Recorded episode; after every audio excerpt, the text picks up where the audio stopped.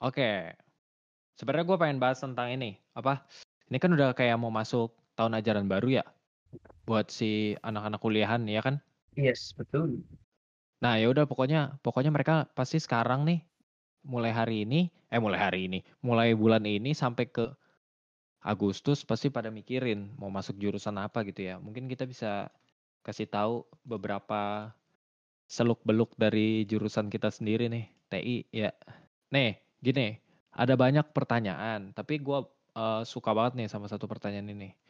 Kalau misalkan dari lulusan IPS mau masuk TI, nah itu gimana tuh? Bisa apa enggak? Menurut gue itu stereotip sih. Soalnya kenapa? Lah, lu anak IPA aja masuk ekonomi, Pak. Beberapa kan? Iya. Anak IPA belajar ekonomi seberapa sih? Itu aja baru ada di mana ya? K13 ya, kalau nggak salah. Yang bisa lintas jurusan tuh K13 nggak sih? Uh, sebelumnya nggak bisa loh. Seingat gue sih sebelumnya nggak bisa, karena dulu sekolah gue tuh K13 setengah-setengah. Uh -uh. Dan itu gue dapet ekonomi, seingat gue. Dan ya udah belajarnya cuma segitu doang tapi banyak kan beberapa anak IPA yang masuk ekonomi ya lu balik aja lah kayak anak IPS masuk informatika ya kayak gitu sebenarnya kenapa gue bilang stereotip ya? Karena apa ya? Belum tentu anak IPS tuh cuma cuma belajar yang nggak ya nggak kayak IPA lah yang belajarnya itu. Mungkin hitung-hitungan hafalan. Tapi sebenarnya kalau mereka terbiasa di luar pun sebenarnya itu nggak terlalu masalah sih misalnya misalnya kayak belajar ngoding di luar atau belajar logika di luar dari sekolah sebenarnya pasti bakal bisa ngajar kok ya nggak iya benar sih benar karena karena yang dari yang dari kita dulu omongin sih itu sebenarnya stereotip yang ada sih uh -uh. apa benar yang dong. udah stereotip yang udah sangat lama ya benar-benar uh -uh. lama karena IPA berarti harus uh, yang berarti berarti bisa IT gitu kan. Terus IPS hmm. ya tergantung orangnya juga kalau misalkan dia pengen ya apa yang bisa menghentikan dia gitu kan. Cuman kadang tuh ada orang yang begini mikirnya. Karena TI itu identik dengan orang yang suka main game gitu kan sebelumnya. Dulu kan kadang ada anak-anak yang main game doang kerjanya gitu. Terus mereka pikir, ah gue cocok nih masuk ini. Nah, kira-kira gimana tuh? itu kan kadang ada yang terjerat sama hal itu kan. Hmm. Yes, 4 tahun, 4 tahun. Mau nggak mau harus dijalanin gitu kan. Hmm. Nah, kadang yang hal seperti itu yang sangat simple, tapi dia mau nggak mau harus jalanin terus tuh, gitu. Tapi orang yang menurut gua orang yang udah apa ya memutuskan untuk dia masuk uh, suatu jurusan misalnya informatika gitu seenggaknya orang itu udah mikir ke depan gua ngapain di kampus? Ke depan gua di jurusan gua ngapain? Kecuali lu masuk kampus cuma karena nama kampusnya bagus gitu misalnya lu nggak peduli jurusan apa ya silahkan menikmati kematian anda di dalam kampus. Tapi kalau misalnya yes. kalau misal lu udah emang oh oke okay, gue masuk ini gue masuk informatika misalnya ya udah tinggal dijalanin aja dan pasti lu survei dulu dong kenapa lu masuk sana apa segala macam uh, gila kalau lu nggak survei. Yes. lu akan belajar apa kira-kira? Seenggaknya lu punya persiapan lu punya bayangan lu akan belajar ngapain. Dan dari situ lu bisa bersiap uh, cuman maksud gua selain mata kuliah selain persiapan yang kita udah siapin pasti kan ada bagian yang karena belum melangkah ke situ masih rada buta gitu ya. Mm. Nah, gimana tuh ngakalin? Misalkan bukan mata kuliah deh, sebenarnya tuh di TI itu ada kita belajar apa aja sih gitu? Yang bener-bener titik fokusnya tuh di di mana gitu? Ini buat orang-orang yang masih mikirin masih mempertimbangkan mereka mau masuk IT atau enggak gitu. Nah itu terus bedanya sama sistem informasi nah itu apa gitu. Kalau TI kan uh, lu ditekenin soal logika ya logika gimana gimana cara berpikir gimana menyelesaikan suatu masalah. Di TI kita kayak ya dari logika ini bisa ngapain gitu. Beda sama sistem informasi yang apa ya setengah setengah lu belajar TI setengahnya lu belajar bisnis gitu. Yeah. Ya kan karena kayak kalau misalnya pengandaiannya gini uh, anak TI itu yang bikin produknya anak SI itu yang make mengintegrasikan supaya dan ngejebananin antara anak TI sama anak bisnis. Tantangannya anak SI itu. Bener kan, Om? Iya. Ya nggak sih? Uh -uh. Kerasa nggak? Nanti yang bikin hardware-nya atau bikin uh, perangkat kerasnya gitu ya siapa? Biasanya anak-anak SK. Ini ini apa ya? Ini kalau benar-benar lurus sesuai jurusannya ya. Iya. Itu. Cuman uh, mata kuliah itu mata kuliahnya tuh lebih berat di mana ya? Kalau misalkan si TI. Dia dia kan emang harus ngoding gitu ya. Tapi tapi yang gue lihat tuh kan emang orang tuh pengen masuk IT tuh karena prospek kerja. Dulu kan emang prospek kerjanya tuh gede banget dan emang sampai sekarang tuh menurut gua TI itu salah satu prodi yang cakupannya tuh gede banget gitu. Kita bisa jadi apa aja kalau sekarang nih. Kayak cabangnya tuh luas banget gitu. Betul memang. Sekarang kan lagi eranya ya. Dan ke depan itu bakal ya bakal mengarah ke sana. Bakal mengarah ke automation, ke AI, machine learning gitu kan. Tapi ya jadi pertimbangan ya jangan sampai masuk IT ya TI ya informatika gitu atau computer science. Jangan sampai masuk IT cuma gara-gara masalah gaji atau cuma biar kaya gimana. Ya lu jadi influencer aja udah bisa kaya. Lu juga jualan online sekarang udah bisa kaya. Terus kenapa harus masuk IT gitu kan? Nah, yang ini juga fatal yaitu tadi tuh uh, apa anak banyak anak-anak yang polos-polos gitu loh pada ya masuk IT bisa jadi gamer hebat hebat nih jago gitu kan. Nggak lah nggak usah nggak perlu masuk informatika juga. Tak aja rajin main game juga udah jadi jago sendiri kan. Uh, ya tapi yang yang paling apa ya yang paling esensial memang sih kalau mau masuk IT memang logika sih harusnya ya. Yang harus diasah harus dilatih ya. Memang betul kita dapat mata kuliahnya lebih berat ya dari dari sistem informasi. Kalau dibandingin sama sistem informasi kan itu lebih ke bisnis ya kalau sistem informasi. Kalau informatika itu lebih teknis benar-benar teknis dan uh, ya mata kuliahnya juga yang lumayan sih kalkulus matematika diskrit algebra linear gitu kan.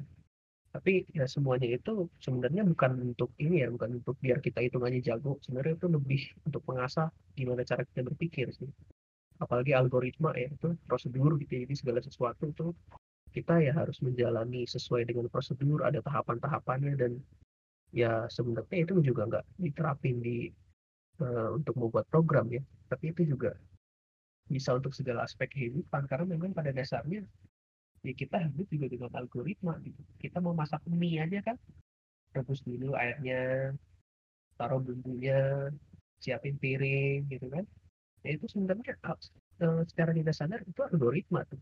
Makanya ya penting itu algoritma itu untuk uh, mengasah cara berpikir cara bernalar kita dalam kehidupan sehari-hari. Kalau kalau gue sih mikirnya gini kalau misalkan teknik ya karena dulu itu apa pun yang dikaitkan dengan teknik itu pasti mikirnya oh iya terjun langsung gitu ya ya kita sih emang terjun langsung gitu teknik informatika terjun langsung tapi ngoding gitu kan. Kalau gue dulu mikirnya kayak wah teknik informatika karena gue basicnya dulu SMK TKJ gitu kan. Gue mikirnya kayak wah berarti ini bakal ngoprek-ngoprek laptop gitu terus apa ngerakit-rakit. Itu yang gue pikirin. Dan ternyata tidak gitu. Kapan kita ngoprek-ngoprek? Nggak ada ya kan uh, kalau yang kayak gitu sih itu lu masuknya teknik komputer TK atau sistem komputer bud. Nah iya. Kita ngoprek-ngoprek bud. Kalau kita ngoprek-ngopreknya tuh bukan hardware kita ngopreknya software pak. Anda salah jurusan anda ini. Nah kalau misalkan hardware itu kan tentunya bisa ada dua teknik elektro atau enggak teknik komputer ya kan? Kalau yang orang basicnya TKJ itu biasanya dua itu tuh deket-deketnya ke situ. Walaupun bisa juga ke coding, tapi berapa banyak sih SMK dulu ngajarin coding? Sedikit banget. Ya, salah jurusan. Iya. Kalau kita flashback lagi, sepersiapan yang kalian lakukan tuh dulu ngapain aja sih emang lu pada? Gue gak ada persiapan, men. Nah, iya kan? Paling gua, gua paling mikirin kayak udah mau masuk nih, mata kuliahnya gue liatin tapi itu juga gue nggak ngerti mata kuliah apa gitu kan ya nggak kebayang aja mata kuliahnya tuh oh iya kalau ngeliatin judul gitu kan oh iya iya padahal kayak arsitektur apa tuh AOK dulu dan organisasi komputer gitu ya. Oh iya iya, iya bagus. Taunya eh mayan gitu kan. Eh, lu survei tuh mata kuliah apa aja? Gue sih enggak ya, masuk masuk aja. Nah, gua aja yang ibaratnya survei gitu aja itu merasa masih kayak aduh, kayaknya bukan gua nih di sini gitu. Kalau misalkan orang yang modelnya enjoy-enjoy aja emang ada tuh orang tuh kayak gitu, di bawah santai aja semuanya, di bawah santuy. Lu, lu kan? Mhm. Iya, di Mhm, bawah santuy ya mhm. bisa Ya aja di bawah santuy. ya Cuma kan emang aja. Nah, kalau ada orang yang model kayak, aduh nih gua harus siapin dulu nih apa yang gue bisa gitu kan. Eh, taunya pas masuk loh kok gini ya. Ya, ya udahlah gitu. Kadang ada dua pilihan mau dilanjutkan apa tidak gitu kan. Tapi kan kecewanya kadang masih gitu kan. Ya mau nggak mau harus dibawa enjoy gitu kan yang kayak gitu. Tapi kan tapi kan seenggaknya kalau lu udah pernah mempersiapkan berarti lu tahu dong bedanya gimana. Yes. Ya kan? Yes. Kemungkinan lu tahu jauh lebih besar dong. Yes. Dan hal- Peluang untuk stay itu lebih tinggi memang. Mm, mm, mm. Dan kalau misalnya lu misalnya masuknya swasta nih, terus lu udah persiapan sebelumnya, lu sebenarnya masih punya waktu untuk berpindah jurusan sebelum terlambat, bener kan? Sebelum semester 3 ya, lentas itu. Eh, enggak, nggak usah semester 3. Kalau misalnya misalnya nih ya, biasa kan swasta tuh buka zaman-zamannya kelas 3 semester 1, bener kan sih? Iya. Misalnya lu daftar daftar daftar nih, terus lu udah keterima sambil survei, lu punya waktu masih kayak empat bulan lagi sampai misalnya ikut SBMPTN, SNMPTN, kembali ke SNMPTN dulu, ya SNMPTN, SBMPTN, terus lu bilang eh ikut ujian mandiri di kampus lain, lu masih bisa berubah men, Iya, iya. bener gak sih? Benar-benar. Kalau lu kalau lu persiapan ya, Mm-mm. lagian gini, eh, apa namanya? Eh, menurut gua kalau misalnya lu masuk suatu jurusan nih, terus lu nyesel, tapi lu nggak ada persiapan, buat apa lu nyesel pak? Iya. Iya. Apa yang mau disesalin Lu masuk juga? ke situ kan, eh, eh, lu masuk ke situ kan pilihan lu, bukan salah ya, tapi pilihan lu kan pasti lu punya suatu ketertarikan sendiri dong, ya jangan disesalin. Terus jangan lihat kayak, ih jurusan lain prospek kerjanya gini, ih jurusan lain prospek kerjanya gini. Contoh misalnya eh, yang, yang tadi lu bilang adalah jurusan kita eh, apa ya lowongan kerjanya banyak kesempatan kerjanya jauh lebih tinggi bener kan Iya. Sampai detik ini masih. gitu kan Hmm. oke oke sebenarnya menurut gua itu nggak nggak apa ya nggak ya oke itu keuntungan cuma ya nggak begitu berperan gitu loh kenapa Eh, oke misalnya hmm, lowongan lu tinggi gitu tapi lihat juga berapa orang yang udah ada di jurusan lu dan orang yang benar-benar niat contoh lu masuk jurusan ah karena gue masuk jurusan TI karena uh, lowongan kerjanya tinggi nih. Tapi lu nggak belajar ya lu nggak akan diterima juga pak. Mending lu masuk jurusan lain lu tekunin prospek kerja lu jauh lebih tinggi. Dibanding lu masuk TI karena lu pengen cuma pengen kerja di TI cuma pengen kerja ya. Terus lu dibanding sama orang-orang yang emang niat banget masuk emang niat masuk bukan berarti dia punya skill ya. Skill di awal tapi emang dia benar-benar masuk pengen masuk dan dia pengen mengembangkan diri dia gitu loh. Lu akan kebalik sama orang-orang kayak gini nih yang benar-benar niat banget bukan cuma buat kerja tapi emang dia niat dan dia seneng kemungkinan lu akan lewat sama mereka gitu loh Iya. kalau Tapi kalau list pemilihan adalah apa ya tempat kerja maksudnya eh, cakupan pekerjaan. Oh karena ini lebih gampang cari kerja. Jangan men. Susah. Ah, kalau kayak gitu kalau pola pikirnya kayak gitu. Karena ya gua nggak gua nggak bilang salah sih eh, kita kerjanya sekarang gampang. Tapi kalau lu nggak kalau lu nggak apa ya nggak serius ya lu akan kalah sama orang-orang yang serius yang ada di jurusan lu sendiri. Lu mau pindah ke tempat lain juga ya skill lu di TI udah keasah duluan tapi keasahnya setengah-setengah iya. Kalau kalau itu kan emang balik lagi ke orangnya kan. Cuman benar sebenarnya tuh gue pengen lebih spesifik gitu. Misalkan kita sekarang itu eh, review apa sih yang kita udah kerjain tugasnya, kayak jenis tugasnya tuh kalau di TI itu kayak gimana? Coba. apa ya ngoding lah Bukan. Ngodingan, Ngoding mah emang pasti gitu kan. Cuman maksudnya porsinya itu kayak gimana? Apakah Dulu kan kita awal-awal masih suka ngerjain paper gitu ya. Masih ada paper laporan gitu kan. Dulu. Heeh, heeh. Nah, tapi emang lebih banyak ngoding buat bikin program gitu ya, bikin program Mhm. jadi. Nah, kalau di apa? eh, kalau bahasa gimana bahasanya? ya bahasa mah yang penting logika pak bahasa Yes, tuh soalnya berkembang terus yes. gini misalnya misalnya sekarang belajar apa ya bahasa paling ngetop sekarang Python. Misalnya gue gue Python nih ya. Python, Iya. Python, Python. oke sekarang Python lagi berkembang gitu. Ya ke depan.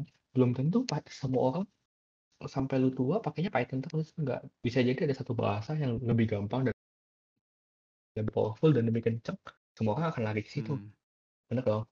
Mm-mm. nah menurut gue bahasa sih ya nggak terlalu apa ya di, dipahami satu oke cuma jangan jangan menutup mata dengan satu bahasa doang Iya.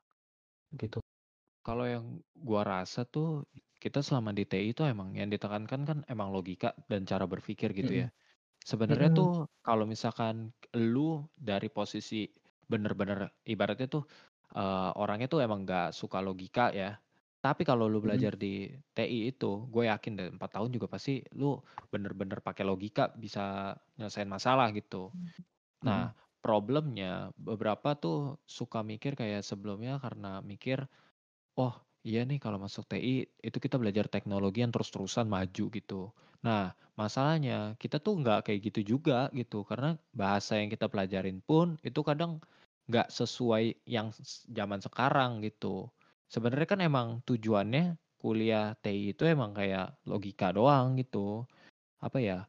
critical thinkingnya, terus habis itu problem solving, belajar algor- algoritmanya gitu. Emang kayak bener-bener struktur pemikiran yang di apa dipelajarin gitu ya, bukan teknologinya ya kan?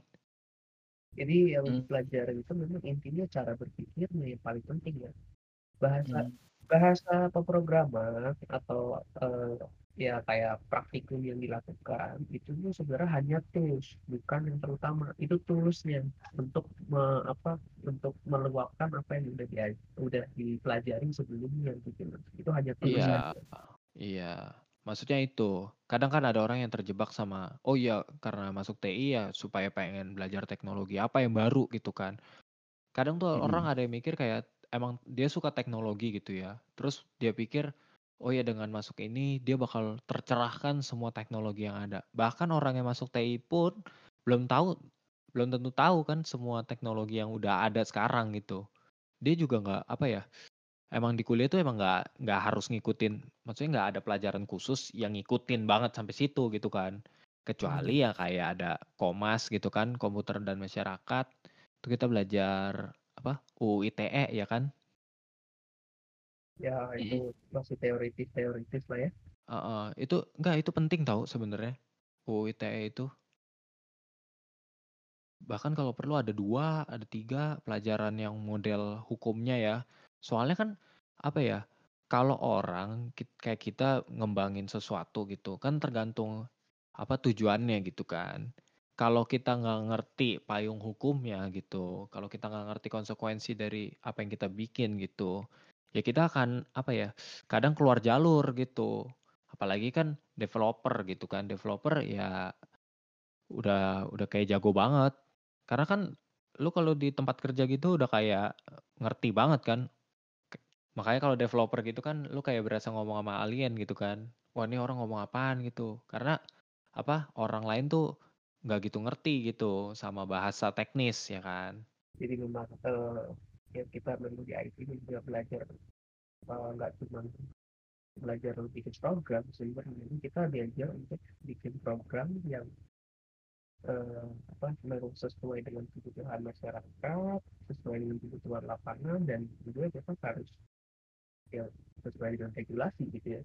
Sebenarnya Mm-mm. penting juga tuh belajar undang-undang. Ya walaupun nggak sedalam anak hukum ya kita belajar undang-undangnya hanya dalam ranah teknologi elektronik gitu Mm-mm. Ya, tapi itu tetap penting sih. Karena eh, memang ketika teknologi berkembang isu yang paling krusial yang paling harus diawasi ya dari sisi keamanan dari sisi keamanan dan dari sisi uh, privacy dari sisi ya regulasi-regulasi yang lain juga harus diperhatiin. Ya karena bisa aja semakin canggih zaman ya mungkin lama-lama juga semakin terbuka gitu. Privacy entah uh, atau uh, keamanan pribadi tiap orang itu itu juga tetap harus dijaga gitu, walaupun teknologi nah, iya. semakin canggih Nah, kalau keamanan itu ada lagi kan sebenarnya tuh jurusannya ada lagi kalau keamanan ya kan? Ada ada khusus spesialisasi ada. Jadi khusus dia uh, mempelajari apa uh, secara detail keamanan-keamanan komputer dari segi teori sama dari segi prakteknya itu ada juga kok jurusan itu biasanya CH lah ya certified ethical hacker hackernya hacker legal hacker yang bersertifikat tuh Iya. Jadi kita belajar kayak apa? Lebih belajar ke defense sih sebenarnya. Jadi kayak uh, tapi uh, gak betul kemungkinan itu juga bisa belajar buat attack gitu, buat nyerang. Tapi kebanyakan sih belajar buat defense ya, jadi ngatasi serangan-serangan hacker gitu. Uh -huh. apa uh, mencegah misalkan kalau ada data bank gitu ya, ya datanya di encrypt, diamankan. Kalau misalkan uh, boboles ini gimana caranya buat mencegah biar jangan sampai ada kerusakan lebih gitu ya itu belajar untuk CH itu sertifikat hacker yeah. ada peminatan ada peminatan khusus ya itu kalau yang hmm. buat yang suka ngulik-ngulik dunia hacking ya itu cocok lah untuk peminatan hmm. tapi ya rata-rata ya di hampir semua universitas itu eh, empat semester awal itu biasanya belajar umum teori umum sih. Semua dipelajari segala seluk beluknya tapi begitu semester lima ya baru tentu mulai ada penjurusan. Ya ada juga tuh beberapa kamu dari semester empat udah ada penjurusan itu.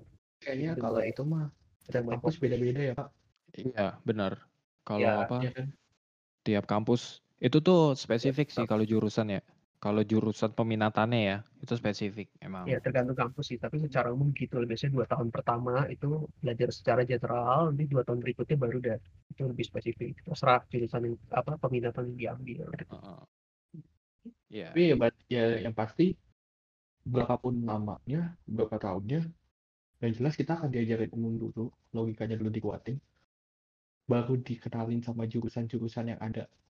Ya dasarnya lah dasarnya jurusan-jurusan yang ada terus baru lu dikasih ya lu mau lu mau peminatan apa cuy mm-hmm. gitu suruh milih dari dasar-dasar yang udah dikasih sebelumnya kan jadi bisa punya bayangan oh jurusan ini akan ke sini ini begini ini begini ini begini gitu ibarat mau bangun rumah ya kan ya kita bangun dulu dasarnya lah gimana mau bangun iya, iya. rumah iya. tapi dasarnya nggak kebangun ya roboh itu rumah hmm.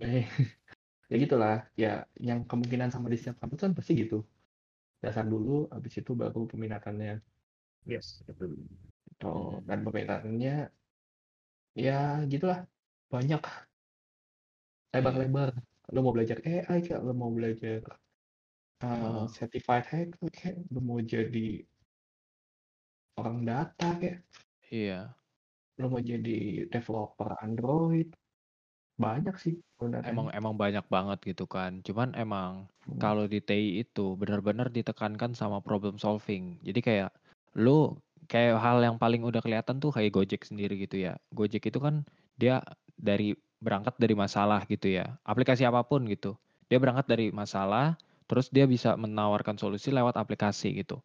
Fokusnya TI itu itu sebenarnya. Jadi lewat aplikasi atau lewat web apa yang bisa dia selesaikan. Jadi kalau buat orang-orang yang suka problem solving, mencari masalah gitu, yang suka kritis nih, terus oh ya ini ada kurang nih di sini, ah saya bikin aplikasi lah. Itu karena emang apa ya sampai sekarang aja tuh kayak kita tuh sebenarnya idenya banyak ya kan. Lu pada tuh sebenarnya idenya banyak nih sekarang nih. Bahkan yang lagi kerja pun sebenarnya tuh ada ada ada selentingan gitu kayak oh ini sebenarnya bisa nih pakai aplikasi habis itu bisa lebih baik gitu. Minimal ada tapi emang kadang kan eksekusinya gitu kan eksekusi yang lebih penting daripada idenya gitu.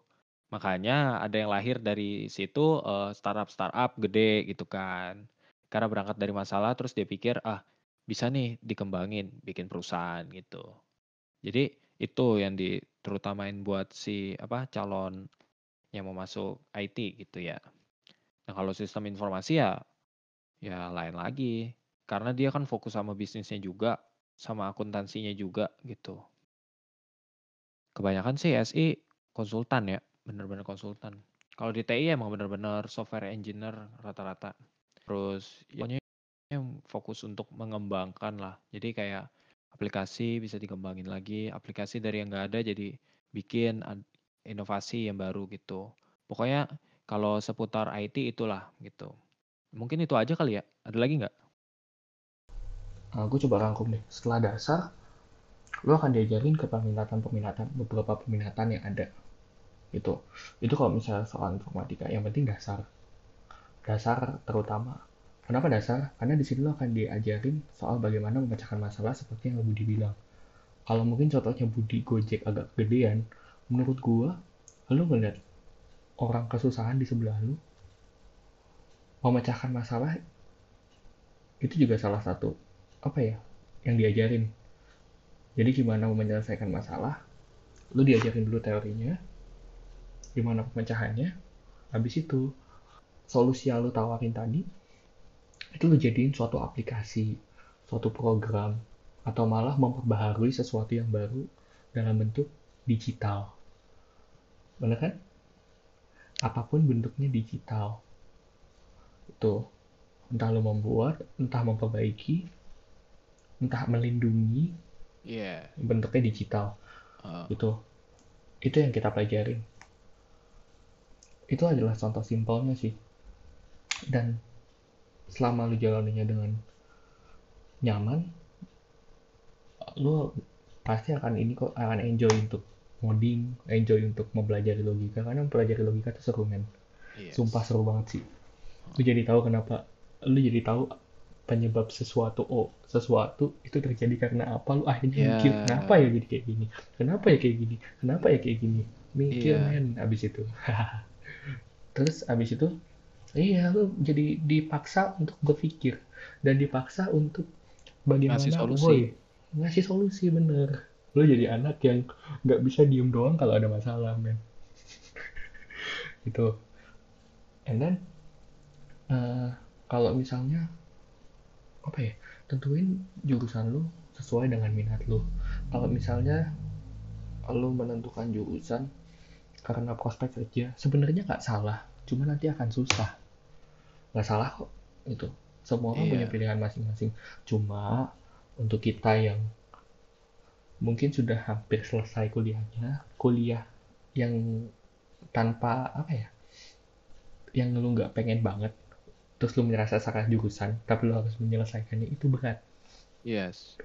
Walaupun gue kenal satu anak yang kayak gitu IP-nya 4 tapi berat. Gitu. Bisa aja kok IP-nya bagus tapi berat men. Lu harus memperjuangkan itu semua sih. Jadi pilihlah sesuai yang lu inginkan